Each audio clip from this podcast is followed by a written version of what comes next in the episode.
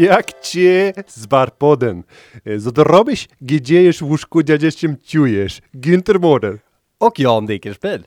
Eh, välkomna till Sparpodden avsnitt 76. Jan är tillbaka. Eh, blev några bergsjätter i Schweiz? Det var inga bergsjätter i Schweiz. Nähä. Jag åkte skidor, jag stod i barnbacken och tittade på min fyraåring som Jag- eh, stod på skidorna för första gången. Jag noterade att du hade en väldigt hög frekvens på Twitter och kommenterade både, alltså mer än du någonsin annars gör. Mhm. Hur är intresset för, för dina barn? Tror du att du kan ha varit på sessionen mellan 10 och 12 när... Var det skidskolan? Ja, då var det skidskolan. Och då bara, nu, nu kör vi Nu är det sociala dags medier. att smattra loss. Men eh, passar inte ni på och åker då? I skidskolan? Nej men om man lämnar in barnen på skidskola, för det är det man Ja, gör, man ja. köper sig tid för att Ja. själv få åka. eller? Lite så är det ju, men sen så har ju olika barnen, eh, de är olika offensiva eh, Mm. första gången i sin skidskola och eh, då valde vi att vara närvarande. Det är klart ni gjorde, klart ni gjorde. ja, Pappsen och mamsen står med varsin glühwein eller? nej, ibland stod pappsen med sin mobiltelefon och ibland stod mamsen med sin mobiltelefon. Vad har Mm. du gjort? Jobbe, Jobbe, jobbe. hur ser din eh, vardag ut nu? Eh, den är annorlunda. Eh, jag har ju blivit någon form av intern rekryteringskonsult, så jag headhuntar potentiella kandidater till min efterträdare. Oh, wow. Så att mitt mål, det är att överräcka tre till fem stycken heta namn till eh, Sverigechef och till HR-chef och kommunikationschef, PR-chef. De som kommer sitta och, och vara med och fatta beslutet. Det är ju Eva Troin som är Sverigechef som äger anställningen, så det är henne som är hon som är viktigast i, Yes. i det sammanhanget. Och parallellt så löper en annan process där det är en offentlig ansökan. Eh, det ligger en annons ute för både ditt och mitt jobb där man kan skicka in sin ansökan. Det är ganska bråttom just på, på min roll vet jag. På din roll så finns det massor med sökande. Ja, Men jag tror att det är, det är smalare. Min roll är ju mycket, mycket smalare på många sätt och vis. Och man vet liksom inte riktigt. Det kan vara så extremt olika profiler. Det kan ju vara på, på din också. japp, Men man kan angripa den här uppgiften på jättemånga olika sätt. Alltså att vara sparekonom ja, på mer sätt än att leda en innovationsavdelning. För det handlar ändå om ett ledarskap. Exakt. Eh, här handlar det mer om ett självledarskap. ja. Kanske. Men jag tror att den, den röda tråden hos dig är väl att man vill se någon typ av eh, journalistisk bakgrund eller någonting som tangerar det och någonting där man ser kunskap kretsar kring sparande Ja, man, investeringar. ja, man behöver inte ha journalistisk bakgrund. Nej. Alltså, jag skulle nästan säga att ibland kan det vara en fördel om man har en ren finansbakgrund, men är bevisad som liksom talesperson och kan agera i media, redan Ja. vara etablerad. Då. Fine, Det behöver inte vara bättre. journalist. Ja, men jag menar att du har någon typ av, nå, någon typ av erfarenhet från ett publikt arbete. Djup förståelse för hur media fungerar, Ja. antingen inifrån eller utifrån. Ja. Kan man säga.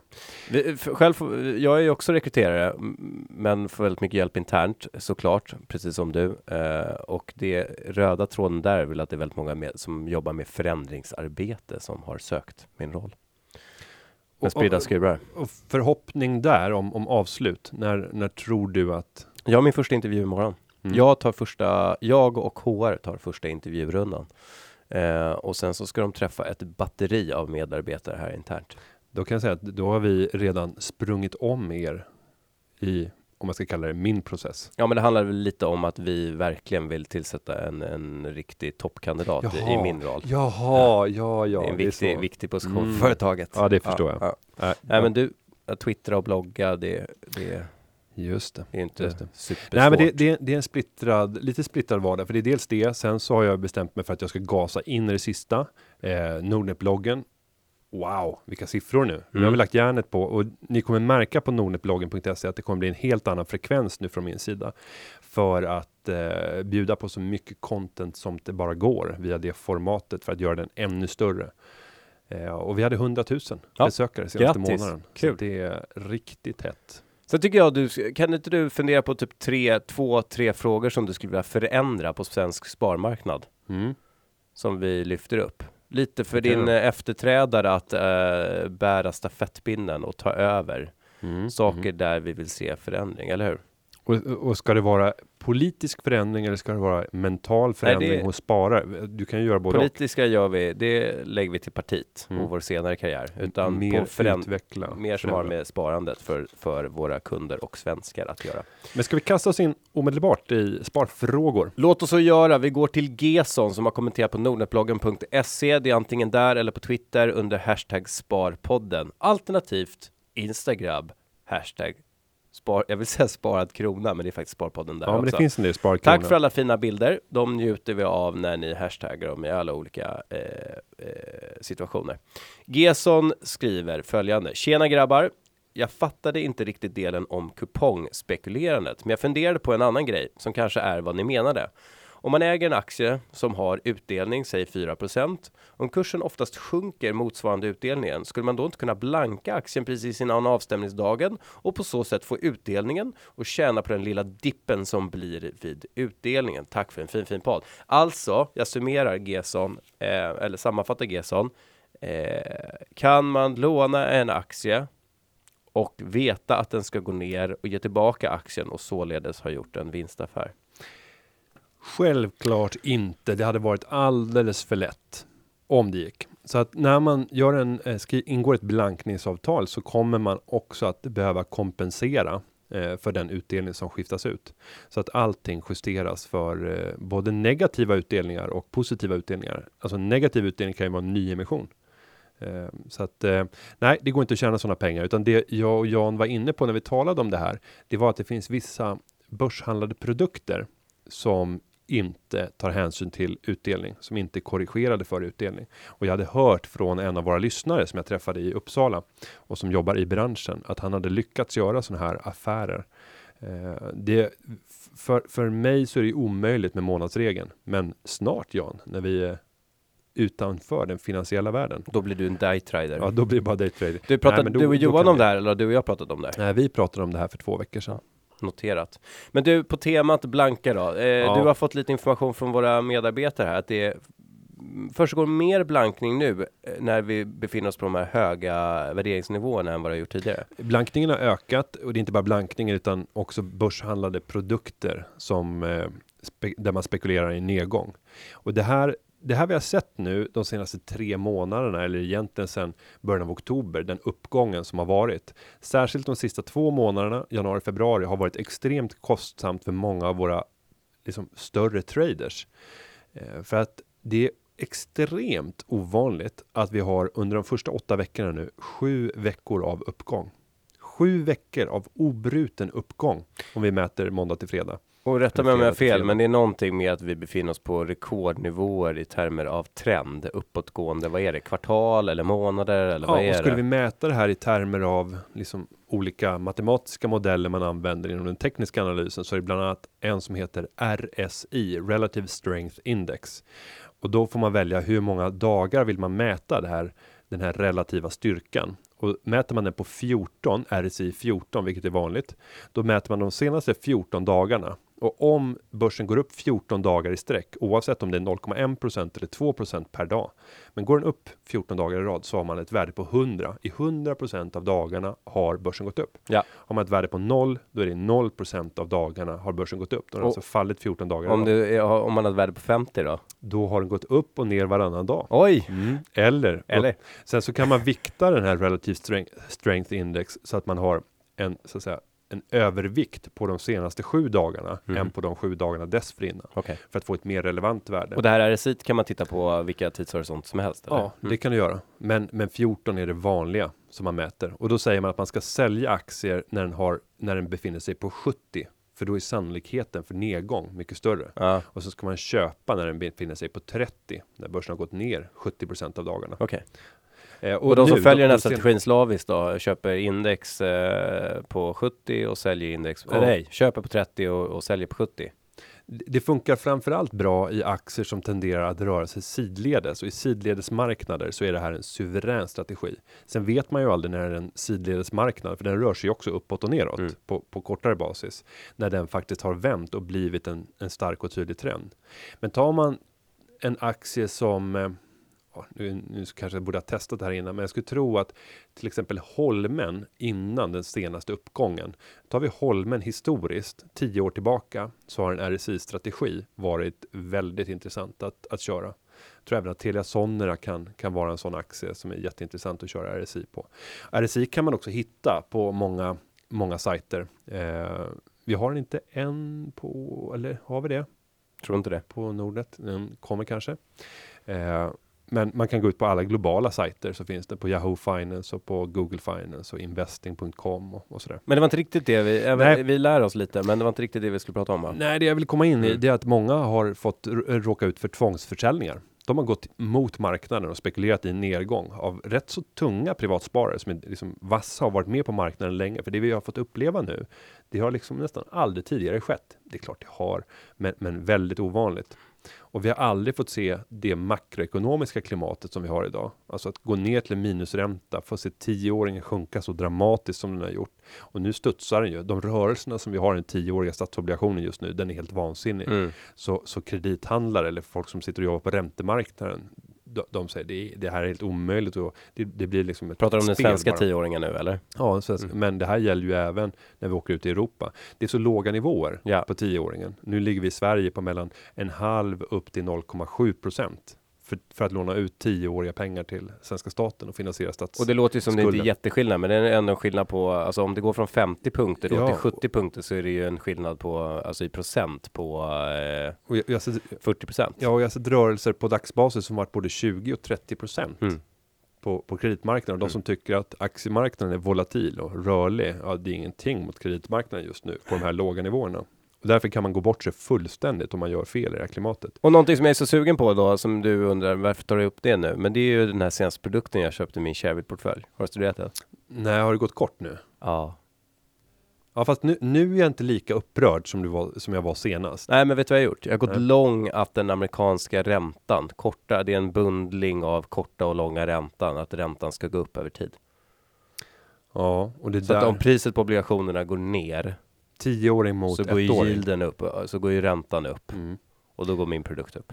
Och, och sen har du ju valutaeffekterna i det här då, Ja, oavsett. Men det ser jag som en liten hävstångsmöjlighet. En möjlighet. ytterligare förstärkning av dollarn. Ja, känns amerikanska osannolikt. ekonomin går Mm. bra, mycket Ytterligare bättre. kvantitativa lättnader i Europa. Ja. Yellen pratar om att hon liksom förbereder räntehöjningar i USA, även om hon pratar om att vi vill se ytterligare indikationer på att det är på väg åt rätt håll, bla bla bla. Men hon ändå förbereder marknaden på att snart kommer, Men sånt här, det är, det är farligt med sådana där produkter.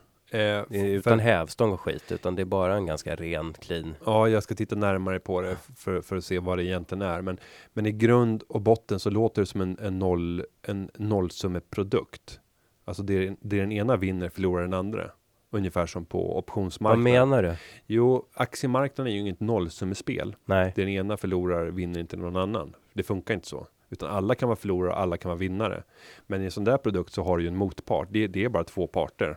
ja, det är någon som säljer och det är någon som köper, så är det ju. Jo, Ja. och, och, och det är inte en, en och, och det är mot någonting statiskt som finns i ekonomin. De tittar på ett räntetal, det är inte någon värdekedja du har investerat i. Men med det säger du att du aldrig skulle investera i obligationer, eller? Jo, eh, absolut. Men, men där är det inte heller det den ena vinner, förlorar den andra.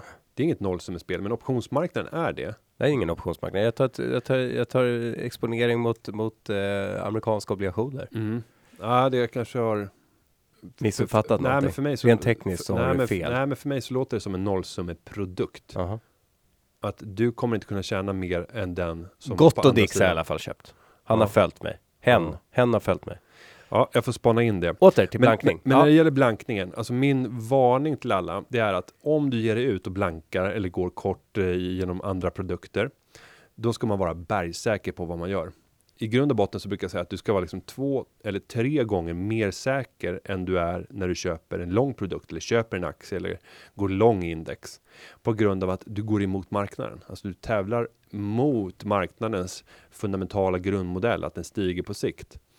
Och, och därför så är det någonting som, som jag skulle vara mycket försiktig med. Bara jobba under korta tidsperspektiv och, och framförallt känna sig tvärsäker på att det här kan inte fortsätta. Eller det här bolaget som jag nu blankar, det är så uruselt. Det kommer verkligen bli värdelöst och du är helt bergsäker på det. Ja. Så behöver det inte vara när man köper en aktie. Man behöver inte vara bergsäker på att det här bolaget kommer går den här framtiden till mötes, utan man kan faktiskt köpa ganska mycket på känn. Ja. Om du köper bland stora välkända svenska bolag, håller i tio år. Men vi kan väl ändå förtydliga för lyssnarna eh, att en blankning fungerar som så att du lånar. Günther har en aktie som du tror på, som jag inte tror på. Typ. Eh, eh, vi behöver inte dra några exempel. Men säg att du har BTS Group och du är super bullish BTS Group och jag tror att den kommer att gå ner. Ja, men då lånar jag dina av, då betalar jag dig lite ränta. För Och då att jag ska vi får, säga att, att jag vill behålla mina BTS-aktier Ja. och gör det över en överskådlig framtid. Eh, så det gör inget för mig att låna ut de aktierna ett år till Jan. Nej. exakt. Eh, och då lånar jag dem av dig och sen så som kompensation för att jag får låna dem så ger jag dig lite ränta, Mm. några procent eh, i i BTS. Och jag tror att de ska gå ner, så jag säljer dem jag har lånat. Säljer jag på börsen, säg för 100 och sen så har jag rätt och du har fel och då eh, går kursen ner till 90 och då köper jag tillbaks dem för 90 och då har jag ju kanske köpt för 90 000 och sålt för 100 000 och så får jag netto eh, 10 000 kronor. Så det är helt enkelt ett, ett eh, Och sen återlämnar du aktien och stängs rent kan man säga positionen. sätt att, att eh, ta exponering mot, mot en fallande aktie. Mm. Vi tog upp det här tror jag i ett av våra första avsnitt när vi pratade om, om just blankning och låna svärföräldrarnas bil. Gjorde vi inte det?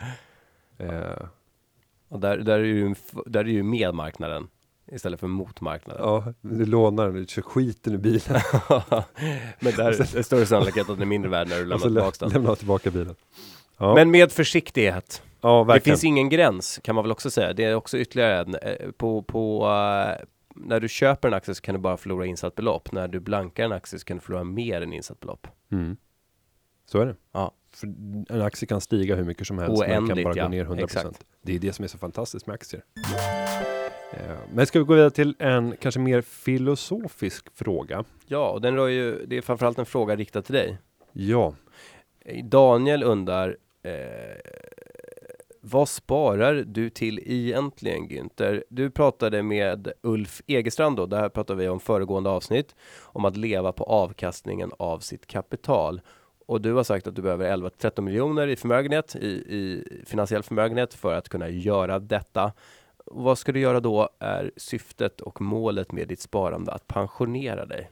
För det ser man ju, det kan man ju tillägga, om man ser eh, liksom vad bloggare döper sig till i sina profiler eller Shareville-medlemmar döper sig till, så är det så här fri vid 30 och fri vid 45 och men nu behöver fri inte vara likställt med att man säger upp sig och, och, och bara lever på sitt kapital och spelar golf. Men ändå, det, det är ju indikationer på att nu jävlar ska jag spara så in i helvete så att jag bara kan göra precis vad jag vill sen senare. mm. Hur Nej. tänker du? Jag, menar, jag har varit inne på det många gånger. För mig så handlar det ju om friheten. Jag kommer förmodligen aldrig, jag, som det ser ut nu, så kommer jag kunna vara i mål vid 38-39 års ålder med mitt finansiella mål. Jag kommer förmodligen bara öka tempot i det läget när det gäller att jobba och göra roliga saker. Men jag vill hävda att många har liksom en felaktig drivkraft i livet. Drivkraften blir att få ihop pengar den här månaden för att kunna betala mina lån på bostaden och på bilen som jag köpte på kredit. Eh, och sen sitter man liksom i en rävsax som gör att du kan inte bara säga tack och hej eh, om det inte skulle passa och säga att jag går vidare eller jag förverkligar min dröm. Jag ska säga upp mig som innovationschef och bli företagare eller Mm. Eh, Och just den friheten att kunna känna att jag kan göra precis vad jag vill. Jag behöver inte tänka på den ekonomiska aspekten som för de allra flesta människor liksom är en, en hygienfaktor. Du kan inte ens, du kan inte tänka bort den för då skulle hela livet raseras. Mm. Men tänk dig då den friheten som det innebär att bara äh, pengar, det behöver jag inte bry mig om, utan nu behöver jag bara tänka på vad vill jag göra i mitt privata liv och vad vill jag göra i mitt yrkesliv? Mm. Och sen så utifrån det kunna jobba på ett helt annat sätt och mycket högre risktagande även i, i det yrkesmässiga livet. Och det, tar, det knyter ju an lite till det som Henrik Schyffert pratade om på, på Norden Live. Har inte du tänkt på det efteråt? Jo, men han, och han har fått mycket skit eh, av, av eh, lyssnarna. Ja, en hel del skit. Ja, Rätt men- förtjänt tycker jag också Ja. av den skiten. Eh, Han, han försökte lite raljerande eh, säga att eh, man blir inte lyckligare av pengar och eh, liksom att eh, han hänvisade, som man så gärna gör på, på olika teman, hänvisade till olika studier som visar att marginalnyttan av mer pengar efter, vad var det, 40 000 kronor i 40 månaden. Mm. är, är noll. Det vill säga att om du tjänar, så upp till 40 000 jag vet inte om man pratar före eller efter skatt. Efter skulle jag tro. Efter, Mm. ja, så är liksom, ja men då upp till det så, så mår vi bättre för att vi, liksom, vi kan gå på bio oftare och vi kan mm, ge barnen McDonalds om de, det är nu det de vill ha och så vidare. Men efter det så är det avtagande marginalnytta är typ flat. Men jag vill, jag vill ändå hävda att han har fullständigt fel för att jag tror att han har rätt utifrån perspektivet. Och det knyter ju an lite till det Facebook-inlägget han gjorde också, det här med när han raljerar om det här med, vad ska man säga, med, ja, nu blir det känsligt direkt. Kost, kostnaden för invandrare. Ja, för men- invandringen. Ja, exakt. Och, li och, och lite sådär, ja men vad ska ni, om, om, alltså, eh, hur ska vi prata om det här utan att bli politiska? Men, men andemeningen i det inlägget var väl egentligen så här, eh, till svenskarna att ehm, vi behöver, vi, liksom, vi, pratar tu, vi pratar några tusenlappar per svensk och år för att säkerställa att de som kommer från Syrien inte behöver utsättas för humanitär kris där borta. Och lite så här, och vad vill ni göra för de här tusenlapparna då? Vill ni köpa tv-spel eller i sprit när ni kommer hem från er charterresa? Alltså, typ indikerar, vi lever i överflöd i Sverige. Är vi inte som svenskar tillräckligt generösa för att kunna lägga ytterligare några tusenlappar på att rädda barn från humanitär nöd? Kan man sammanfatta det så? Ja, det tycker jag. Ja. Eh, men, men om vi... Men just, jag tror att så här, om konsumtion. Jag tror svenskarna, om vi vill tjäna mer än 40 000 för att bränna det på konsumtion, då är det noll ökad lycka. Mm. Alltså att man köper en liten finare tröja, ingen kommer bli lyckligare av en finare tröja.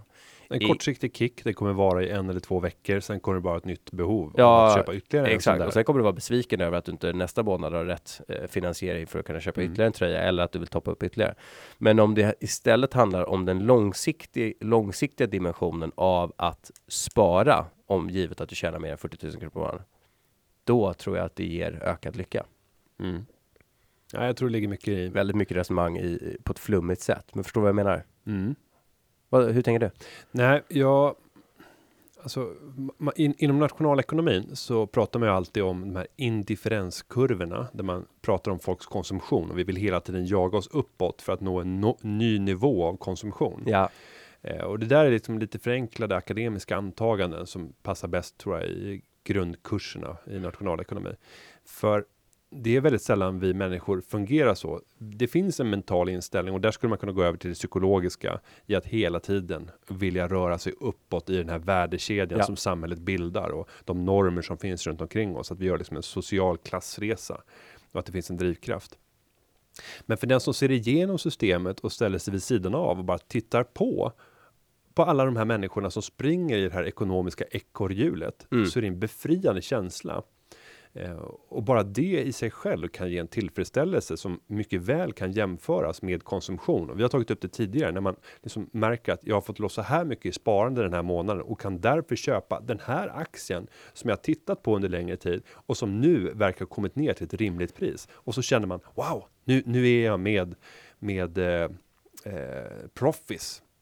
Nu har Det- blivit med Proffice-aktier. Men det är ju så oerhört intressant och jag tror att du behöver, man behöver ju då Günther-disciplin för att kunna verkställa på det här. Jag skulle tro, hur många, hur, för vad jag menar då, om du tjänar 40 000, eh, vi pratar, vi pratar före skatt då, och så har vi två yrkesarbetande föräldrar, tjänar 40 000 kronor var, och sen så helt plötsligt så tjänar de 60 000 kronor var istället båda två. Att inte bara ta den här marginalintäkten efter skatt och lägga den på, ja men barnen vill ha mer lego eller nu reser vi till lite finare semester eller nu köper vi lite Bättre större bil. boende eller bättre bil eller liksom finare cyklar till barnen. Det är ju så oerhört svårt att inte gå in i den, den kortsiktiga konsumtionsmöjligheten som du då får. Så att vad skulle du tro? Jag tror att en procent av svenskarna max tar liksom 50% av sin eh, utökade konsumtionsmöjlighet och lägger den på majoriteten lägger den på sparande. Just nu när vi tittar på statistiken så är det faktiskt många som lägger till sparande, framförallt höginkomsttagare som har fått det bättre senaste åren till följd av jobbskatteavdragen, slopad arvs och gåvoskatt, förmögenhetsskatten är borta. Det här har gjort att de som är, är rikast i samhället, de har kunnat lägga mer på sparande. Så det är lite grann en klassfråga också. Eh, ger vi en tusenlapp till en som redan har en tusenlapp så kommer den bara lägga det till ett sparande. Men om vi ger den till någon som inte har tusenlappen så kommer de springa iväg och konsumera. Mm. För att det finns ett uppdämt behov någonstans som man vill täcka. Man vill köpa mer. Men sen så är min ja, känsla. men, men så skulle det kunna vara. Men det skulle också kunna vara den som tjänar 30 000 och har gjort det de senaste 10 åren. Eh, och som sen helt plötsligt ökat till 40 000. Alltså de har ju vant sig vid en levnadsstandard som de kan förhålla sig till. Mm. Så att egentligen så finns det ju förutsättningar att inte låta de här ytterligare 10 000 kronorna gå till konsumtion utan att lägga dem på sparande för att långsiktigt öka din frihetsgrad. Möjlighet att kunna säga hej då till din arbetsgivare om du nu inte vill vara kvar. Nej, då får man fundera över. Men det är så otroligt svårt. Det är väldigt lätt att, att säga, men otroligt svårt att leva efter. Alltså hur, egentligen så är ju frågan om vi ska prata nationalekonomiskt. Hur många människor skulle kunna känna sig tillfredsställda genom att göra en negativ resa när det gäller indiffer, indifferenskurvorna? Mm. Alltså att gå ner i konsumtion och ändå kunna känna en högre grad av lycka. Mm. Och det är ju ohyggligt svårt. Inte ens inte ens jag gör ju det, utan jag, jag ökar ju successivt, Ja, men det är mycket lägre takt än vad andra gör. just det. Och, och, och dessutom så började jag från Så om du tjänar minimi- 10 000 minimal. kronor mer så kanske du bränner 3 000 kronor mer. Ja, men ja. Du nej, ökar din konsumtionsbudget, men Ja. du lägger ändå en majoritet på sparandet, eller? Jag fortsätter lägga en konstant del på sparandet och det kan vara Konstant? nej, nej, nej, men det är procentuellt så, Aha. så fem, 50 till till 65 procent. Eh, Av din disponibla inkomst. Mm. Ja. Och nu blir det några som är irriterade där ute för de tänker ja men det är lätt när du tjänar så oerhört mycket och det är väsentligt mycket lättare när man Visst är tjänar det mer. det. Och, Men men, du- men, men då ska man också lägga till Ja. att under första åren på när jag var vd för Aktiespararna så, så levde jag i linje med studentbudget. Ja. Eh, och jag har gjort en resa från ungefär 12 000 kronor upp till idag ungefär 20 000 kronor Ingen ska ta ifrån dig vad du Ingen har. rör min heder. Nej. Nej, men jag får alltid massa synpunkter på det. är så lätt för dig att säga som har det så bra. Jo, men jag lever också med en kostnadsbas som är lägre än för de flesta sjuksköterskor eller verkstadsindustriarbetare. De Ja. flesta av dem bränner mer än 20 000 kronor i månaden. Och du och, jag le- och, jag- nej, och jag lever ju ett ekonomiskt överflöd om jag börjar betrakta mitt liv. Ja. Jag sitter med två bilar, vi sitter med ett hem som är på tok för stort. Eh, och, och unna mig, jag, menar, jag har till och med lyxkaffe. Nescafé Lyx på Ja, morgonen. ja. Även om jag försöker vara sparsam och dricka det mesta kaffet på jobbet eftersom det är gratis. ja. Eh, Så det händer, det är inte, det är inte varje dag att jag till och med köp, nej, jag till och med köper banan i, i, på Lidl ibland. När jag inte lyckas få med mig banan från kontoret Ja. när man går hem. Nej, men, men ta det då som Mm. en, som en förebild vad det gäller det här. Att det är väldigt få med en disponibel inkomst på, jag vet inte vad den är, 70 000, 60 70 000. Som vad? Din lön efter skatt. Eh, ja, 60, 65. Ja, det är väldigt få med en lön på 65 efter skatt som lägger 20 000 kronor på konsumtion. Och, Nej, det är nä, nästan ingen. Nej. För att det går emot hela normen. För du platsar liksom inte in. Du måste ha ett extremt starkt psyke för att klara av det. För egentligen så är det ju, tillhör ju ett annat skikt. älskar hur du får ett litet liksom, nöjt leende på Ja, men- men det- men det är en pratar om njutning ditt extremt starka Nej, men, psyke. och, ja, nej, men, ja. det, det är jag och Nortugg. Nortugg på spurten igår. Nej, men, men det det Jag handlar var om. där. Klart du var. Flög upp med grabbarna. Nej, jag bilade upp med far och bror. Nej. Stod och viftade. Det var, kurvan. ja, det var ju inget, och vi spelade in där på måndagen. Mm. Men det var ju vidrigt väder såg det ut som. Ja, det var, det var lite dassigt. Mm. Framförallt var det vidrigt underlag för stackars Johan Olsson Ja, som borde ha vunnit. Men du, det Mm. tar oss ju eh, väldigt eminent eh, in på Elin Helander, Ja. vår vän från Karolinska institutet, Yes. som vi refererar till ibland och som nu skrev att hon inte kan stå, hejda sig längre. Det vill säga, jag tolkar det som att hon efter varje avsnitt i princip vill skicka in ytterligare en, en Word-dokument. Gör det Elin, för det är alltid kul när du gör det. Hon skriver järnknep som gör dig till en bättre sparare. Och det här är väl verkligen på samma tema. Mm. Vår hjärna är konstruerad till att söka belöningar snabbt. Den kommer alltså alltid att försöka få dig att välja alternativ som ger en belöning här och nu, konsumtion, över alternativ som ger dig eventuella belöningar i framtiden. Typ, min fyraåring står på flygplatsen och säger jag vill ha den, den, den, den, den på alla lego, liksom, jag vill ha legoskeppet, jag vill ha lego, jag vill ha, han sa flicklego första gången och pekade på de här rosa lego. Jag sa det, det är för hens, sa jag väldigt modernt. Um, jag repeterar. En belöning här nu över alternativ som ger eventuella belöningar i framtiden. Det är därför det är så svårt att spara till något som ligger i framtiden. För det betyder att du avsäger att göra något kul för pengarna idag för att göra något kul med dem långt senare. Eftersom vi gärna är en belöningsjunkie kommer den göra allt för att fresta dig till att göra något kul med pengarna idag. Men du kan komma över detta beteende genom att se till att belöna dig själv när du spar undan pengar.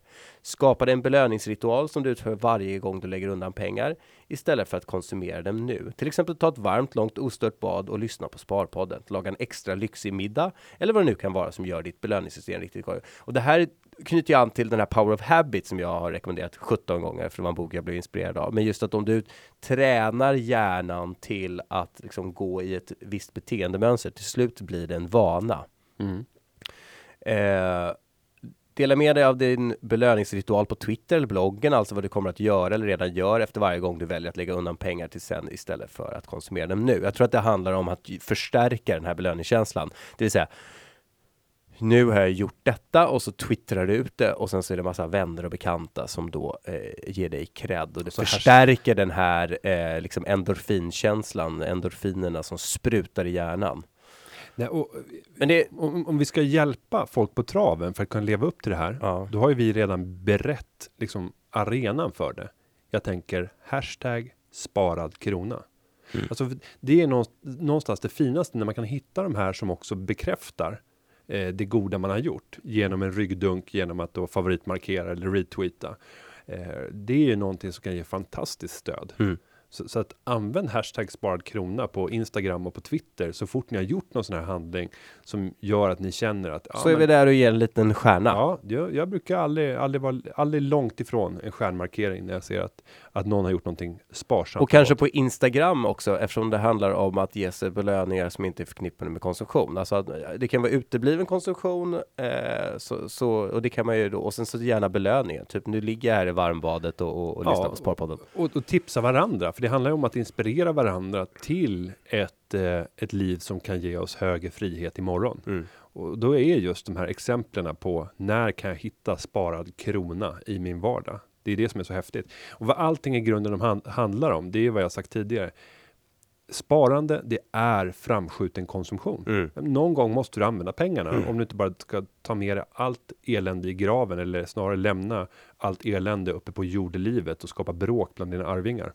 Och någonstans så måste det ändå vara konsumtion vi är ute efter i slutändan, eller hur? Du är ju, Ja. du är ju ute efter fullständig frihet, liksom Ja, handlingsfrihet. kons- konsumera frihet på det privata yrkesmässiga planet. Men utgår från att vid något tillfälle när du har byggt upp den här eh, enorma förmögenheten så kanske du kommer liksom unna dig att när dina barn säger så här, vår dröm är att få åka på safari och titta på levande Mm. djur. Då skulle du eventuellt vid en ålder av 50 år kunna säga så här. Jag har jobbat så jävla hårt, jag har sparat så fruktansvärt mycket så att jag tycker att det är någonting vi ska unna oss. Jag hoppas det. Ja, och jag, sen tror jag att det är mer sannolikt Att, att, åker till Kolmården. nej, ja, det, dels det, men att ni kommer få se mig köpa ett asfläskigt boende. Okej. du menar att Alltså jag skulle, jag skulle kunna liksom, eh, det är, inte, det är inte otänkbart att jag skulle kunna köpa en 20-25 miljoners villa. Inte för att jag behöver, men för att jag kan. Eh, och så vet man så här, ja men vad ska jag göra med pengarna? så mer för att du också ser det som en investering då eller? Ja, det blir lite värdebevaring, Aha. men sen är det ju väldigt höga Du driftskostnader. tror inte på resor driva runt de här 500 kvadraten. Du tror inte på att eh, uppleva världen? Ja, eh, jo, jo, absolut. Men jag tror inte nödvändigtvis att det behöver vara de här femstjärniga hotellen och att göra det. Nej. Med, utan för mig, jag kommer ju fortsätta att jaga rätt bra priser för att kunna Men du reser för lite för att vara så nyfiken, gör du inte det? Eh, nej, jag har gjort det mycket under uppväxten. Eh, och sen fick jag göra rätt mycket i mitt förra jobb på Paxisbaren. Då reste man ju runt och träffade Hela Sverige, ja, jättekul. Det var ju Å-. Åmål, eh, Ljungskile, Timmersdala, ja, eh. Årgäng. nej, men vi var runt lite i världen också. Men det är sant, eh, senaste, senaste tre, fyra åren har varit väldigt resefattiga. Ja. Är det någonting som du lider av då? Nej, det är det inte.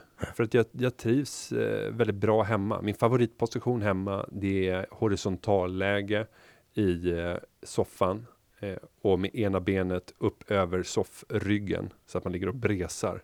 Lite som Christer Pettersson när han Ungefär så. vek ut sig i hustler. Och inte så långt bort från där Christer Pettersson faktiskt bodde. Han bodde i Rotebro, men jag tror även att han bodde på Malmvägen ett tag i Sollentuna. Vad är din poäng? Att du gillar att ligga halvnaken i soffan med ena benet upp på Och paddan karmen? i andra armen, liksom ligga på hashtag Och ligga och kolla på data på hur många som har tittat på nordnetbloggen.se. Ja, typ.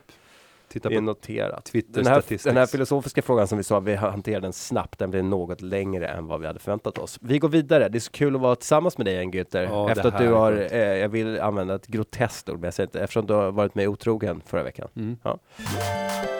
Och då är, har era portföljer slagit index över tid? Eh, och den är väl riktad till Det är eh, Oscar. Günther, ja, Oscar som har Oscar frågat. på nordbloggen.se. Eh, har du slagit index över tid? Och nu gör jag som alla eh, brukar göra och säga att ja, det, det har jag gjort. Och sen måste man alltid lägga till ett men. För er som har följt Sparpodden så vet ni att jag gick in till noll år 1999. Vilket gör att eh, om jag skulle räkna med sen jag började 1996 så nej, då har jag inte slagit index eftersom jag gick ner så djupt i källan, alltså ner till noll och började om. Och det är autofill-historien. Ja. Så då har jag inte slagit index sen, sen dag ett, utan det hade varit mer lönsamt för mig om jag bara hade investerat i Pratar vi 00 nu eller när var det? eh, 1999 när börsen steg 66 procent. Och då 18 gick jag i gammal. KK. Ja. Ja, skulle fylla. Eh, och, men om jag tittar sen dess, alltså sen 2001 när jag började bygga min nya strategi och började tjäna lite nya pengar. Ja, då har jag definitivt gjort det. Eh, sen så, Vet du att du definitivt, du säger definitivt Ja. väldigt säkert. Ja, det, det kan jag definitivt säga. skillnad Och man mig kan- som man- inte har någon aning. Man kan ju mäta det på två olika sätt. Alltså dels så kan man titta på startdatumet och sen så se vilken utveckling har jag haft i portföljen för varje år. Och ja, då vet jag att jag har slagit index under den perioden. Eh, sen kan du använda en annan metodik och säga att jag tittar när kronorna har kommit in. För det är klart att under de sista eller senaste eh, sex åren, det är då mina tunga kassaflöden har funnits. Mm. Så att under den perioden så har jag byggt på med ett sparande som typ har varit tre eller fyra gånger större än det jag hade tidigare. Och därmed så blir den här sista perioden och framförallt sista året helt avgörande. Och alla som är inne på Shareville och tittar kan ju se att min, min, min portfölj under senaste året har stigit med, inte det dubbla index, men, men nästan eh, dubbelt upp mot, mot index. Tack vare att jag har legat tung i flera av de bolagen som vi har talat om i podden. Alltifrån Cision, det var med om en fantastisk resa. Och sen eh, Microsystemation som är helt otrolig med över 200% avkastning. BTS som också har givit en, en riktigt bra eh, avkastning. Det är de som har lyft min, min portfölj. Yes. Men du kan inte säga med bestämdhet. Nej. Sen är det svårare för dig. Jag menar, då, är det ju Nordnet. Ja. Har Nordnet slagit index? Ja. Ja. Ja, det har det väl gjort. Ja, så att det räcker med. Ja. Ja, det har jag. så, färdigsvarat. Vi, eh, vi tar oss vidare. Eh, Och jag ska innan vi går vidare eh, pusha för det här psykologiska. Nu var vi inne och pratade lite grann om, om Elin och hennes eh, tankar kring, kring hur vi ska belöna oss. Men om du vill få en psykologisk analys gjord på dig själv så ligger det just nu en undersökning ute. Vi hoppas få 300 respondenter som genomgår det här testet som tar tror jag 45 minuter att göra. Och då kommer du i gengäld att få en gedigen personlighetsanalys ur ett psykologiskt perspektiv. Eh, så att du kan lära känna dig själv bättre. Så kommer vi titta på den här datan avpersonifierad för att koppla an till investeringar och se hur personer agerar eh, finansiellt med de personliga egenskaper som de har. Så det är en unik studie som genomförs av Lunds universitet tillsammans med undersökningsföretaget Assessio. Vill ni delta så går ni in på nordnetbloggen.se eh, och där ligger det delta i en unik undersökning tror jag att den heter. Och vi kommer även lägga in det i Sparpodden inlägget. Intressant, intressant. Och sen har vi en fråga från Lukas. Hur mycket påverkas börsen av sociala medier? Tack för en bra podd. En tanke bara. Hur mycket tror du börsen påverkas av sociala, sociala medier? Till exempel Twitter eftersom det nu är lättare att dela idéer. Och i det här sammanhanget ska vi väl ta upp Shareville som nu ändå har 40 000 tror jag, 600 medlemmar och det eh, växer stadigt. Um, vad säger du Günther? Det påverkar i allra högsta grad, särskilt när det gäller de mindre bolagen. Eh, när det gäller storbolagen skulle jag säga inte ett smack, för det styrs bara av in- institutionella pengar. Men däremot när vi kommer ner på small cap-listan och på aktietorget och på First North och sånt där. Där finns, det, där finns det ju inga analytiker som följer, utan där är det bloggare och det är folk på, på, i sociala medier som. En sorglig incident idag. Mm, Det är ju bloggfavoriten Vardia.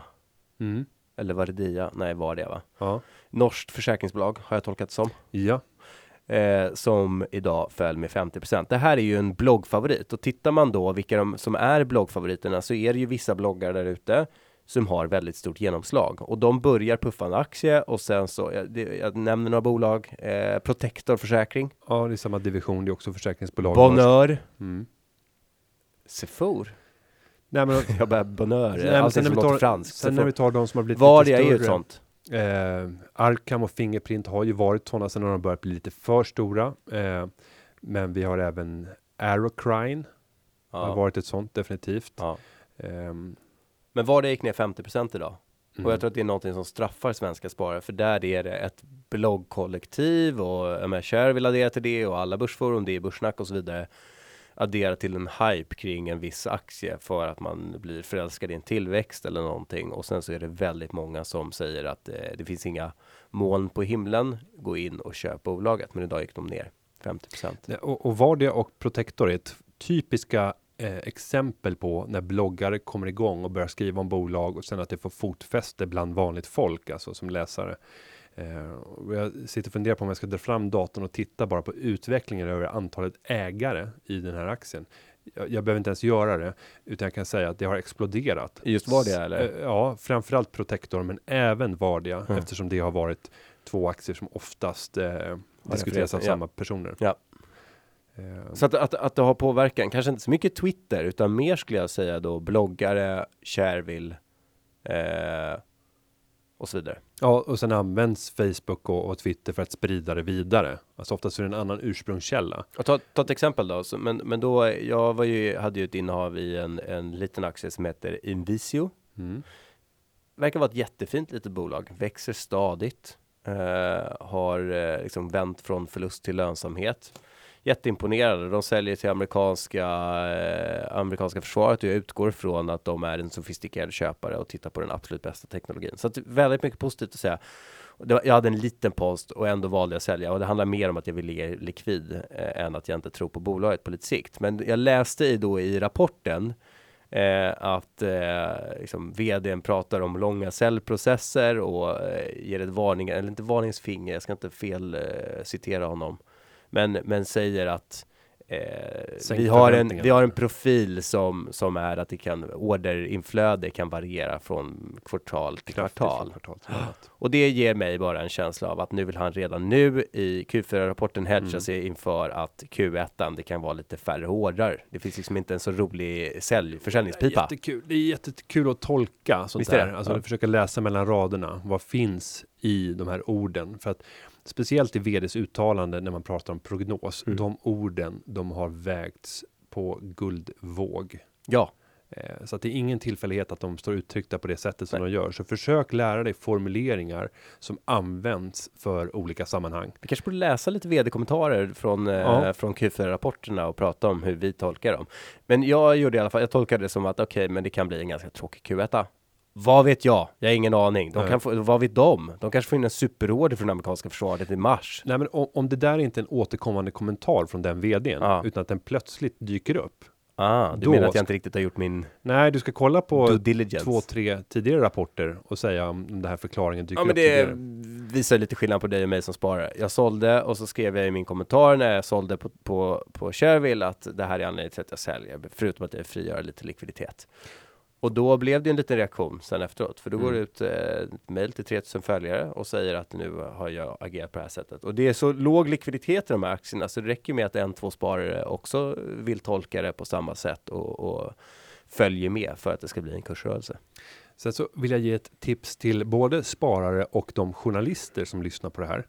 Eh, om man vill liksom få nys om de största potentiella skandalerna som kan brisera, då ska man alltid titta på riskavsnittet. Och sen så tar du fjolårets årsredovisning och klipper ut riskavsnittet, gör ett Word-dokument av det. Och sen så tar du årets riskavsnitt, gör ett Word-dokument av det. Och sen tar du jämför dokument som man gör när man jämför avtal när man har skickat iväg och sen har någon gjort ändringar. För att se exakt vad är det ni har justerat i riskavsnittet.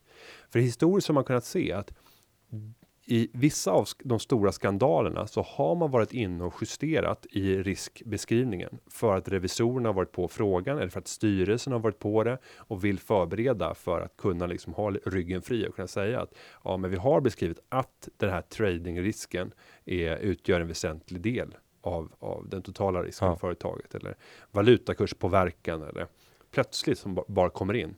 Det är ingen slump att någonting bara kommer in. Nej, för ett, ett normalscenario där businessen rullar på as usual, det är bara copy-paste. Ja, det där ja, ja. riskavsnittet, det orkar man inte hålla på med. Nej. Skriv, låt operativa risker och finansiella risker och allt sånt där vara som vanligt. Och sen får man ha respekt för att det ibland sker stora revideringar av det.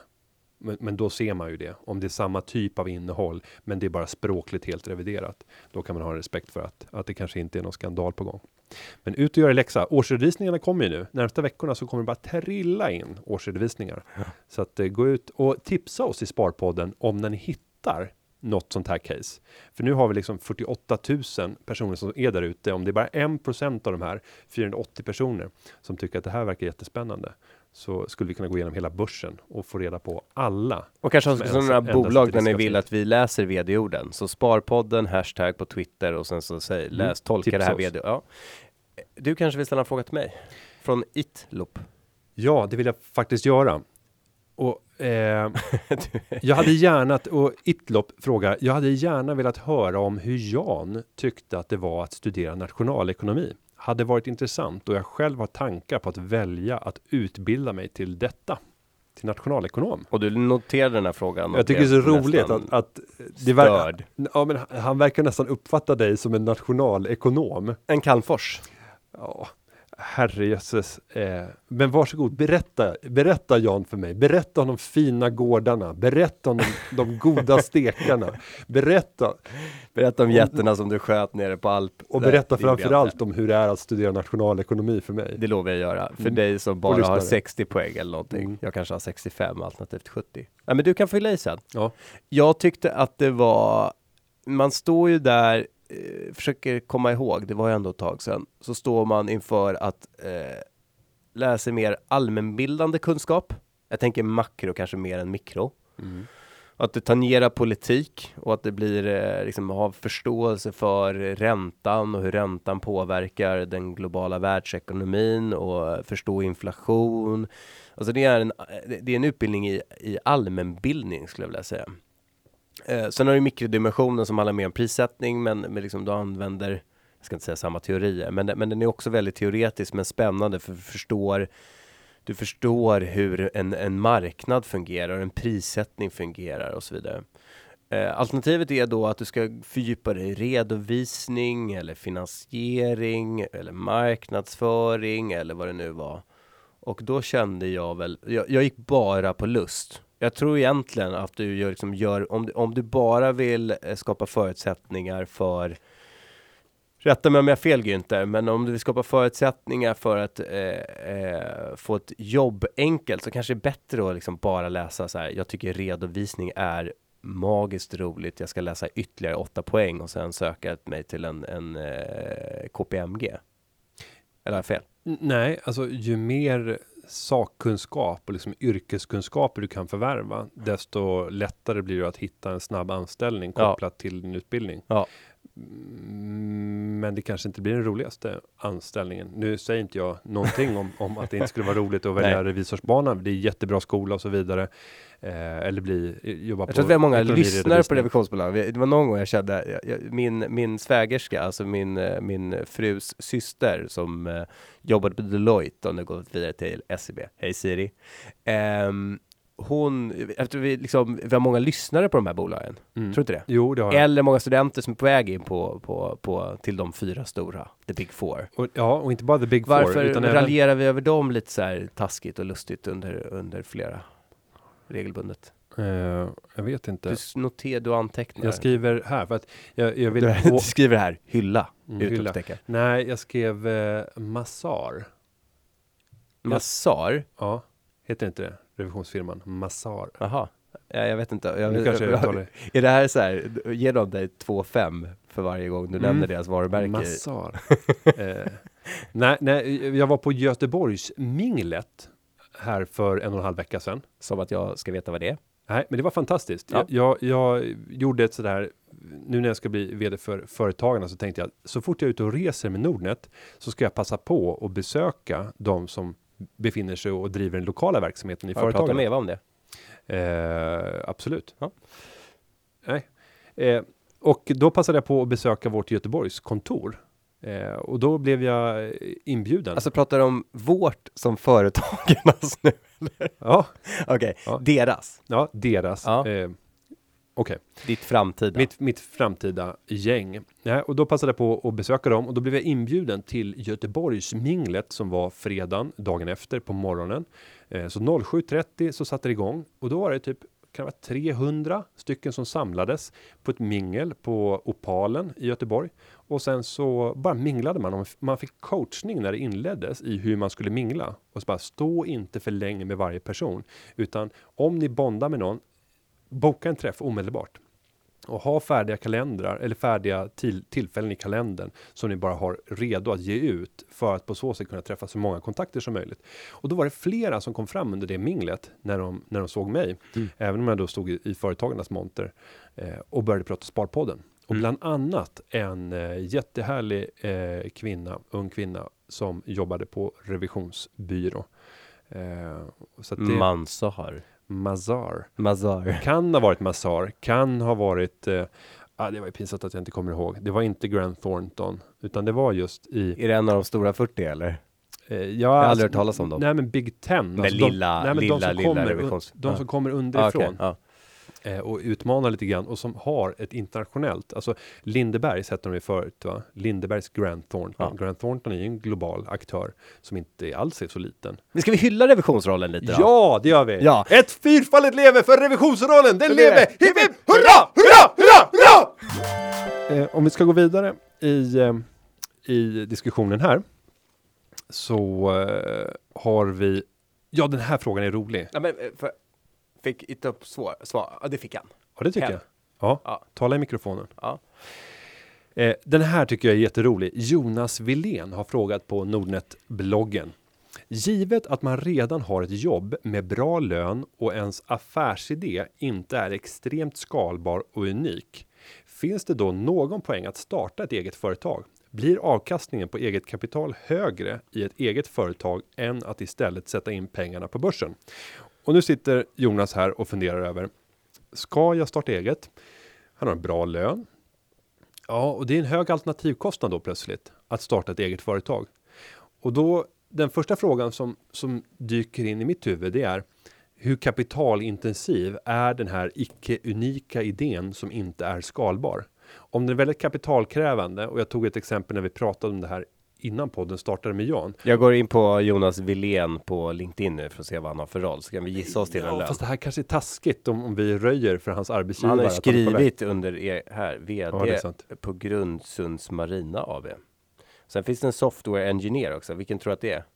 Software engineer tror jag att det är. Du tror det? Och att personen vill eh, utnyttja de kunskaperna och starta egen Ja, men den här är, det här är en ganska, han började 1988 tidigare, ja, styr och tegler, teknik, mek, ja, nej. Nej, men grund, grundtanken för det här, fortsätt göra din, din research. Ja. Men, men det är ju att man bör titta på hur kapitalkrävande är min business? Har du råd att lämna den alternativa avkastning som du idag har i din anställning? Eh, Men du ska tänka på en sak och det är att din arbetsgivare kommer alltid kalkylera med dig och lägga på ett, eh, ett vinstkrav. Alltså man har ett avkastningskrav även när man anställer. Om man anställer inte en människa som inte, som inte tillför mer värde än vad den kostar, då kommer den personen avskedas eftersom det inte betalar sig. Och det innebär att om du själv tar över chefskapet över dig själv och startar eget så kommer du kunna fakturera till en lägre nivå om du struntar i det här vinstkravet. Du vill bara ha din lön så skulle du kunna fakturera lägre om du kör som konsult och därmed bli mer attraktiv på arbetsmarknaden för att du har ett lägre pris. Eh, om du fortsätter att fakturera samma pris som din arbetsgivare gör, eh, ja då kommer du kunna få en mycket högre intjäning. Dessutom om du är egenföretagare så har du en helt annan möjlighet att planera dina inkomster eftersom du kan låta inkomsterna stanna i företaget och inte plocka ut det som lön. Eh, och då också skapa skattemässiga fördelar att kunna plocka ut det vid tillfällen då du inte kommer att, att få så tung beskattning. Ja. Eller använda regler som gör att du får, får eh, använda utdelningen som, som en ganska viktig del i din lönekomponent. Men eh, hur skulle du säga om man, om man är anställd, Om man är bra, en, trivs om man är en eh, software, senior software engineer. mm. Eh, Det ligger närmast till hands att tro att man då skulle bli jag är för konsult. dålig, ja exakt. Och, han skriver ju extremt eh, skalbar. Men, men säg att det är konsultfirma. Liksom. Ska jag göra i egen regi eller ska jag vara anställd och tjäna bra och lägga över Mm. en del av den disponibla inkomsten på börsen? Men jag kan det för dåligt med skatter. Men jag tror väl absolut att det är bättre att om du är en eftertraktad och efterfrågad eh, tillgång så är det väl utifrån ett ekonomiskt perspektiv bättre att konsulta, fakturera, skatteoptimera, eventuellt låta pengarna ligga kvar i bolaget, investera pengarna i bolaget. Starta kapitalförsäkring i bolaget och investera i aktier på det sättet istället Ja. för att plocka ut dem, beskatta och sen in på ett Exakt, och sen finns det väl liksom, det finns väl massa regler för hur mycket du får dela ut och hur mycket Absolut. du måste ta ut i lön och så vidare som jag inte kan. Så att jag tror väl att avkastning på eget kapital. Sen kan jag ju fråga så här, vad är liksom eh, din lyckomaximerande? Mm. Jag är ju den typen som eh, brinner av att vara en del av en kultur. Jag älskar ju oberoende av företag som jag jobbar i att vara en del av den kulturen och att liksom vara med eh, på den förändringsresan och se hur kunderna blir nöjdare och medarbetarna blir gladare och mer stolta och hur man utvecklas som företag. Det är lite som att spela fotboll och vara en del av, vill du vara liksom en inhyrd eh, på lån spelare som är där på ett 12 månaders kontrakt och sen så ska du stå i mål och sen vet du att du ska tillbaka till bänken i din moderklubb eller vill du vara en del av teamet? Och jag, jag mår bra av att vara en del av teamet. Vad, vad deppigt det blev med den jämförelsen. Ja, men det är lite, alltså jag, jag har svårt att relatera till Tillbaka att du till går in, avbytarbänken. kör sex månader. Jag imponeras över de som kan göra det med full energi. Jag, Mm. jag kan inte göra det. Jag, jag, jag skulle ha väldigt svårt att liksom komma in på en interimsposition. Ja, men här är nio månader, gör ditt bästa och sen ses vi aldrig mer. Mm. Sen kommer man ju ofta kunna följa vad som har hänt ändå. Nja, men, du är vidare på nästa uppdrag Ja. och så gör någonting ja, annat. tankemässigt har man rest vidare. Så, så att, eh, Men- full respekt för de som gör det. Jag kan inte göra det. Men, men konsultbusiness, noll i kapitalkrav oftast. Alltså det är bara att sätta igång. Ja. Och, oftast. Och idag kan du väl göra det. Alltså, du behöver inte ens ett aktiebolag, men du kanske behöver det för att kunna göra de här investeringsgrejerna. Ja, det blir mer effektivt eftersom Ja. du kan planera på ett annat sätt. Du slipper ta det? ut allting Är det i 50 lön. 000 kronor i aktiekapital numera eller? Ja, och många tar ju miste på det där och tror att man måste reservera 50 000. Men det, ja, det är ju att balansräkningen Ja, alltid ska ha stoppa 50 000 in, i ja. kapital. Ja. Sen kan ju du köpa teknisk utrustning för de där 50 000 som du behöver för att vara konsult. Sen kommer de skrivas av då kanske med en tredjedel eller en femtedel beroende på vad det är. Så du måste tjäna pengar för att du inte ska behöva. Ja. Ja. Men, men det är ju inte meningen att det ska bara ligga 50 000 på ett konto, Nej. vilket många faktiskt tror. Ja. Men sen kan man ju också tänka sig generiska affärsidéer. Vad är det? Jo, typ att starta en ICA-butik. Det skulle kunna vara så här, ja men det är en generisk grej man skulle kunna göra, men det är också mycket mer kapitalkrävande. Om du har ett bra jobb inom dagligvarubranschen idag eh, och sen så funderar du på, ja, borde jag starta eget? Du hade 3 miljoner kronor, du kan toppa upp med lån eh, utan problem för att starta igång din egen business. De riskerna det är förenat med, vad är uppsidan? Eh, och där är det ju svårare. Om man då kan se att de här 3 miljoner kronorna skulle jag kunna investera på börsen. Men sen har jag ett annat här, generellt tips och det är titta dig omkring på din arbetsplats. Anser du dig, och nu är en varning till alla män, normalt så brukar män göra det, men anser du, du dig producera mer och vara mer värdefull och leverera mer värde än de som finns runt omkring dig? Då är sannolikheten rätt hög att du skulle kunna bli framgångsrik som egenföretagare. Om du däremot är en riktig slacker som inte levererar värde som ens motsvarar din lön, då ska du göra allt som går för att bara omfamna och krama din anställning. För anställningen, det är liksom din smala lycka i det här fallet. För förmodligen så skulle det bli bedrövligt som egenföretagare om det inte råkar vara så att du är på ett företag som gör att du blir helt understimulerad och, och därav blir den här underpresterande och slacken. Ja. Så alla överpresterare, ut och starta eget. Alla underpresterare, fortsätt jobba i anställning. Vilken roll pratar du i? Vilken roll? Ja. Alla roller. Jag behövs överallt. vill du att det ska bli fler företag i Sverige? Fler små och medelstora företag? Ja, bland högpresterare. Jag Ja. vill ju inte att man ska ha massa lågpresterare som ger sig ut i, ett eget företagande Är inte misslyckas. lågpresterare då inte bara en outnyttjad eh, potential? Jo, En, en oslipad diamant? Det är som framskjuten konsumtion, sparande.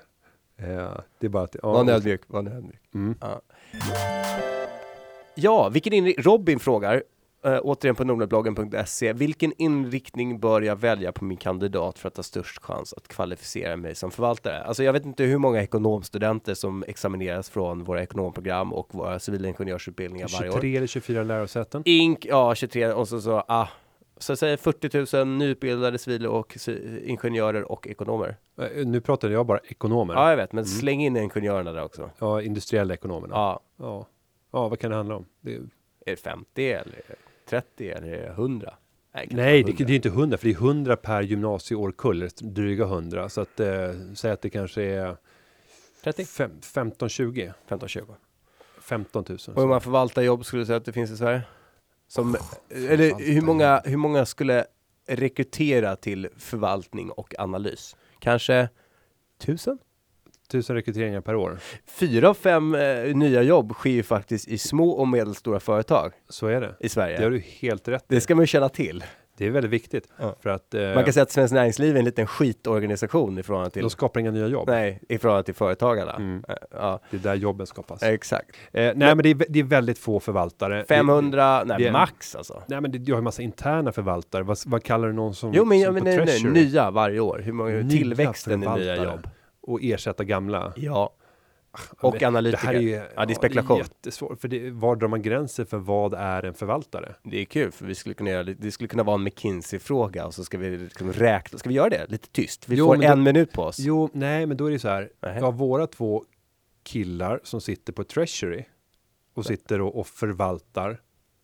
De sitter och förvaltar eh, likvida medel. Ja, men jag pratar inte om. Stambro nu, utan jag pratar om förvaltning. Han refererar ju till liksom, en fond. Fondförvaltning Ja, pratar- och analys på institution. fo- Fondförvaltare i den privata retailmiljön, alltså för fonder riktade mot privatpersoner. Ja, Eh, då skulle vi förmodligen vara nere på rekryteringar per år.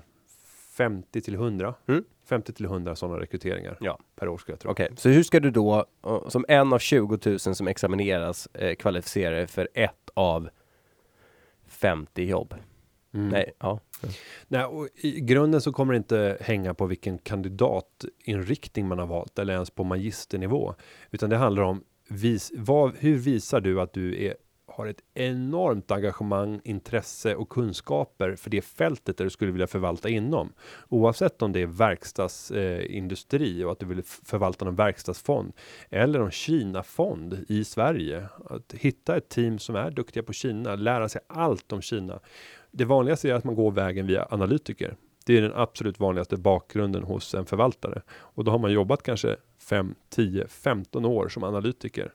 För att på så sätt bygga kunskaperna och därefter så, så går man vidare och tar in förvaltningsdimensioner. För förvalt, analytikern sitter ju så nära förvaltaren. ja. Så de för ju resonemangen, så där har du så att säga utbildningen. Så då kommer jag säga att eh, om det finns 50 nya förvaltarjobb varje år så kommer kanske 10% av dem, fem stycken från nyutexaminerade och majoriteten kommer från sådana som redan etablerat sig Ja, men så finansiella 50 till institutioner. 100, då, då vill jag nog närma mig 100 om man tänker på de här Ja. internrekryteringarna. Men om man tänker på offentliga förvaltningsrekryteringar, där det faktiskt är öppet och man kan söka, det blir inte helt tillsatt internt, då är vi nog runt 50. Och det här är gissningar, som sagt, Mm. bara gissningar. Så då är ju att kvalificera för analytiker och då handlar det ju om att förstå finansiell analys väldigt mycket. Ja, och då är det en finansinriktning man förmodligen ska läsa för att öka sannolikheterna. Men jag skulle säga att man mycket väl kan ta sig in på analytikerbanan genom att läsa någonting annat, alltså visa att du har bredden. Vill man köra läkemedelsanalys, att då läsa medicin Ja. ger ju en edge jämfört med alla Det är väl andra. nästan ett, en förutsättning, liksom en dubbelexamen Ja, i medicin Det är och... nästan eh, häftigare när man ser sådana som har ett brinnande intresse. Jag har ju en kompis som jag uppfattar som liksom riktigt aktiekunnig, men han har aldrig läst en poäng, poäng eh, finans eller ekonomi, utan han är läkare. Men jag tror att han skulle kunna bli en strålande förvaltare för att han är inne liksom i sjukvården. Han ser allting med, med de ögonen som man behöver som analytiker. Det ekonomiska kunskaperna, det är mycket lättare att bygga på än de här faktiskt specifika kunskaperna som Mm. man kan förvärva ute på en arbetsplats i den miljö som man ska analysera sen i framtiden. Sen är det ju vanligt att analytiker också går till att bli IR-chefer. Det är också en vanlig vandring för att om du ska vara en IR-chef och handskas med analytiker och förvaltare, då måste du förstå deras vardag. Ja. Ehm, men det är inget, inget generaltips att satsa på den världen. Kör hårt Robin. Ja, Beatrice Söderlund har skrivit in på Twitter att hon har levt på vinster av sitt sparande i åtta månader och spenderat drygt 8% av det totala kapitalet. Dags att ta studielån och investera. ja Beatrice måste ju då plugga följaktligen eh, och leva på sitt sparade kapital. Nej, och jag tycker att om Beatrice kommer att ta bolån i framtiden, eh, då ska hon lika gärna nu ta CSN-lån istället för att leva upp det egna kapital som hon har. Då är det bättre att leva upp CSN-lånet eftersom det är ett väldigt attraktivt lån. Och det är låg ränta, du har en inbyggd eh, livförsäkring i det och dessutom så har du återbetalningsregler som, som är väldigt generösa. Och jag tror jag sagt det tidigare, men jag kommer ju ha återbetalat mina skulder när jag är typ 40 år. Mm. Eh, och den har legat där som en matta redan från början och skapat bra avkastning under mina år. Och då hade jag en helt annan räntenivå än vad dagens studenter har. Nu ligger den ju under 1% och med dagens låga statslåneränta så kommer det sjunka ytterligare som det ser ut i år. Det är 30 Men kanske ta lån och konsumera och sen så låta kapitalet växa intakt. Ja, Beatrice ska ju inte konsumera. Mycket. Inte alls tycker jag. Nej, men hon behöver inte ändra Nej, sitt men konsumtionsmönster. Men Nej, men hon ska ju betala för sitt boende och äta billig mat och, och leva som en student lever. Eh, men, men ta lånet, absolut. Sen glädjebesked från Norge. På jobbet i Oslo tävlar vi svenskar och vi ser, vi noterar att det finns en del lyssnare i Norge. Ungefär tusen lyssnare i Norge. Härligt. Mm. På jobbet i Oslo tävlar vi svenskar om vem som är mest ekonomisk. Inom parentes snålast. Den som vinner kallar vi för Günther. Ja, är det här hashtag sparad krona såg jag också. Nej, men det här är smickrande. Alltså för mig så värmer ju det här i mitt sparekonomiska hjärta. Men, men om du hade fått samma typ av, eh, vad ska man säga, det, utmärkelse eller liksom epitet, ett epitet som användes. Att, eh, veckans Jan. Jag är inte övertygad om att du skulle bli lika varm i hela kroppen. Skulle det vara när man gåshud. vaskar på nattklubben? Ja, lite mer så. Den som kan gå mest all in utan att tänka på morgondagen. Ta en Jag gjorde- cabernet för 135 kronor glaset. Jag gjorde en Jan. Ja. Eller bara när man blir bjuden av sin, sin vän på, på lunchrestaurangen så beställer man in en köttbullar för 155 spänn. Inte för att man behöver, men för att man Jag kan. lite sugen. Jag gjorde Ja. en Jan. Jag Kan vara, kan vara. Jag blir, li- jag Ja. blir inte lika stolt. Nej, Nej, men som- det här värmer. Eh, Tim Persson Fortsätt, eh, Oscar. twittrar ju också från något grannland. Är det där danska ön eller är det Gick norska? förbi, nej men det är i Norge använder man ju det, och i Danmark. Ja, Gick förbi blomsterhandeln igår och tänkte överraska. Franska flygvärd. Tidigare ska jag in bara ju. Vad är frågan? Det var frågan. Gick förbi blomsterhandeln igår och tänkte överraska flickvännen. Så tänkte jag, vad skulle Günther Mårder ha gjort? Och här blev det ju en Twitterstorm. Ja, vi hade en diskussion. Är blommor till sin käraste en... eh, Konsumtion eller eller investering? investering. Och eh, enligt mitt sätt att se det så eh, är det ju ren och skär konsumtion. Men om du däremot köper plastblommor så är det en investering. För då är varaktigheten där. Eller alternativt om du vill göra en semi-investering. Hälften konsumtion, hälften eh, investering. Så köper en kruka. Skulle Caroline gå med på det om, om du köpte plastblommor och sen så kom du hem och överraskade med dem och sen så tog du med dem sen och kom tillbaka med samma Kom tillbaka blommor? igen. Ja. Ja, men det, är, det är fortfarande hand, det är en fin handling. Ja. Även om man vet att handlingen inte har kostat någonting. Hur många gånger under ert äktenskap har du kommit hem med blommor som du har köpt? Som jag har köpt. Ja, det brukar vara på födelsedagar. Eh, Det kan man ju räkna då. Hur, hur många år vi har varit tillsammans. Får de blommor och choklad då? Fem, fem gånger. Och det är inte alla födelsedagar, så kanske tre gånger då. Tre gånger? Och sen Aldrig så- på en alla hjärtans dag, en, blå, en ros nej, eller nej, inte alla hjärtans dag. Men däremot när, när vi För- levde... Förutom en dag som jag hatar, men Ja, men när vi levde separerade. Eh, för hon bodde i Göteborg och jag bodde i Stockholm Ja. under första året. Då, då tror jag att jag vid ett eller kanske två tillfällen hade köpt blomma eh, på centralstationen i Stockholm när jag åkte ner till Göteborg Mm. för att ge vid ankomsttillfället. Men sen har jag alltid min grej och nu vill jag återigen, nu kommer jag kanske inte göra så mycket föreläsningar i det här formatet framöver. Men jag får ju ofta blommor när jag är ute och talar och de är inte värda ett smack tydligen när jag kommer hem med dem. Eh, Nej. jag talar blommor för att säga de här är till dig älskling. Mm. Så bara, nej, de där har du fått. Så bara, ja, jag har slitit järnet för att få de här. Det har, jag har stått liksom två timmar gratis utanför min vanliga arbetstid för att få en bukett med blommor och det är till dig. Mm. Tack för att du står ut med mig. Nej, de är inte värda smack. Det hade varit bättre att bara bli tillstucken några kontanter. Där ska jag säga tack till, eh, till studenterna i Växjö när jag var nere och talade. Djurgården har ju väldigt fina blommor på, eh, på så här försommar. Så man skulle kunna gå och rycka i offentliga rabatter. Det här känns som ett Günther-tips. Jo, men då har jag ett bättre tips. Men jag ska säga innan, Ja. jag ska Ja, skicka Ja. tacket till Växjö. Eh, för att de gav mig, när jag var talade för, för eh, Börsgruppen där i, i Växjö, så fick jag ett eh, presentkort i form av ett kvitto från, eh, från Ö och B på 150 kronor. Där ska förmånsbeskattas förmodligen. Mm. Men jag sitter fortfarande och liksom suger på det och funderar över vad jag ska köpa för de här 150 kronorna. Kanske blir det plastblommor. Ja. Eller liknande. Bra. Men blommor, eh, där har jag ett annat tips. Och Ja. det här har jag ju begagnat eh, när jag var yngre. Jag sjöng i gosskör och var i kyrkan. Ja. Och är man i kyrkmiljö. Även sluta, att du stjäl inte från en gammal begravning. jo, men eh, nu, nu tar vi lite lugnt. Nu, nu går händelserna i förväg. För att kopplat till varje kyrkogård så finns det liksom en, en soptipp som mer är att betrakta som en kompost. Och där finns det liksom färdiga datum för när man tar blommor från gravar eh, och framförallt då nyligen begravna och så slänger man dem. Och då kan det vara så att 30-40 Makabert. 30-40 procent av Kapten blommorna på den här eh, komposthögen är fortfarande i ett sånt skick att de skulle kunna tjäna eh, någons uppskattning ytterligare 3-4 dagar. Så där har jag gjort liksom gigantiska buketter när jag var litet barn. Kommer du hem med så här stora kransar också? Ja, en sista, Tillgiv din... Va- varför din, står det en sista din, din hälsning? tillgivne Marit.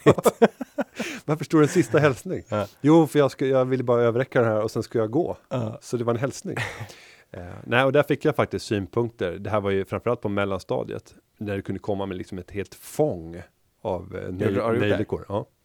För övrigt, vi har inte pratat om den här bilden som gick ut i annonsen för eh, att hitta en ny sparekonom. Nej, Det är från din student alltså? det är student. Jag, jag sparade... alltså eh, även om ni inte har för avsikt att söka till eh, sparekonomjobbet så uppmanar jag ändå er att gå in och titta på hur det är enklast. org.nordnet.se om bilden ligger uppe där. eller på Nordnet Sveriges LinkedIn-profil kanske. Ja, eller på Eva Troins eh, Twitterkonto. Ja. Eva Nordnet. För jag fattade inte, vad, vad liksom, det var bara en bild på någon unge. På, Med, med, med, alltså, med en rejäl skepparkrans. Det var innan jag hade kunnat, jag hade inte ens fått eh, liksom ansiktsbehåring ovanför överläppen. Så att jag fick liksom odla utav helskotta i sju, åtta månader så jävla för att få en riktig krans. Och sen klippte jag mig, jag sparade ut håret under ett år och sen klippte jag en prins William frisyr med lugg. Eh, ungefär som man tänker sig en, en eh, Jag brittisk vet inte hur du lyckas göra en parallell till prins William i England, men, men eh, Jag vet inte heller. Och sen hade jag en mantel, den, den framgår inte lika tydligt där. Men nej, ni måste gå in och titta. Jag tror att jag, jag har ju jag- förstorat och postat min, på min Twitter också, Just det. så där kan jag också gå in och titta. Nej, för fan, alltså att du Jag, hämtade kan, efter jag kanske här. gör en, en TBT på Twitter under Gunther Marder. Jag, jag har ju originalbilden i, i rätt upplösning Ja, också. Magiskt. Eh, men det, är- det är ett, ett skägg som lämnar en del övrigt att önska. Vi har ju ett annan... En Och en annan frippa som är helt osannolikt. Det är liksom, det är Karlsson på taket fast den, fast den är geléad och liksom, ja, nej, men jag har alltid velat liksom vara lite Sticka diskret. Eh, liksom in, inte försöka ta utrymme från någon annan. Utan, alltså egentligen är det ju helt o, o, o, osannolikt att sitta och kommentera någons utseende så till denna milda grad. Men, men eh, jag älskar dig Günther, jag kan bara säga det. Alltså vilken, vilken respekt för den- denna man. Den är tung. Du, eh, slutligen då. Ja, elvan va? Erik ja. Det här hade varit så kul. Berätta. Jag vill ha ly- aktievärldens Lyxfällan. Idioter på börsen döper Erik det här eh, programmet till. Och du ska vara programledare och du ska städa upp i deltagarnas Det portföljer. här hade varit underbart. Det här hade ju varit ett, ett uppdrag som jag gladeligen Att inte någon har kommit på det tidigare. Jag tycker att det är ett ganska enkelt format. Ja. Sparakuten eller idioter på börsen och så kommer du ut och Man tittar kommer på ut en portfölj av skit. Något, något eh, bättre beställt område här i Bromma, till någon Brommavilla. Och Ja. någon har lagt undan en halv miljon i sparande. Ja. Så bara, För i helvete har du köpt aktivt förvaltade fonder med en och en halv procent i avgift! Hur tänkte du? Ja. Eh, Det är bra TV. nu, ja, eh, Det är en uppmaning till Strix och OTV och eh, Elk Produktion och allt vad ni heter. Stockholm, Köpenhamn, Bromma, mamman, Ja, allt. allt. Liksom, Günther är tillgänglig och väntar på en förfrågan. Om det även behövs någon eh, extra inkastad person här i Let's Dance. Och vi kan tänka oss att sponsra utan att finansiera det. Eller hur? Eh, du, Ja, med det sagt, ekonomen. härligt att vara tillbaka. jättekul att ha dig här. Eh, mm, och vi ska bara avsluta med att säga att denna podcast har spelats in och klippts av Najara Sejara! Ha det gott, hej! Tack så mycket! Hej!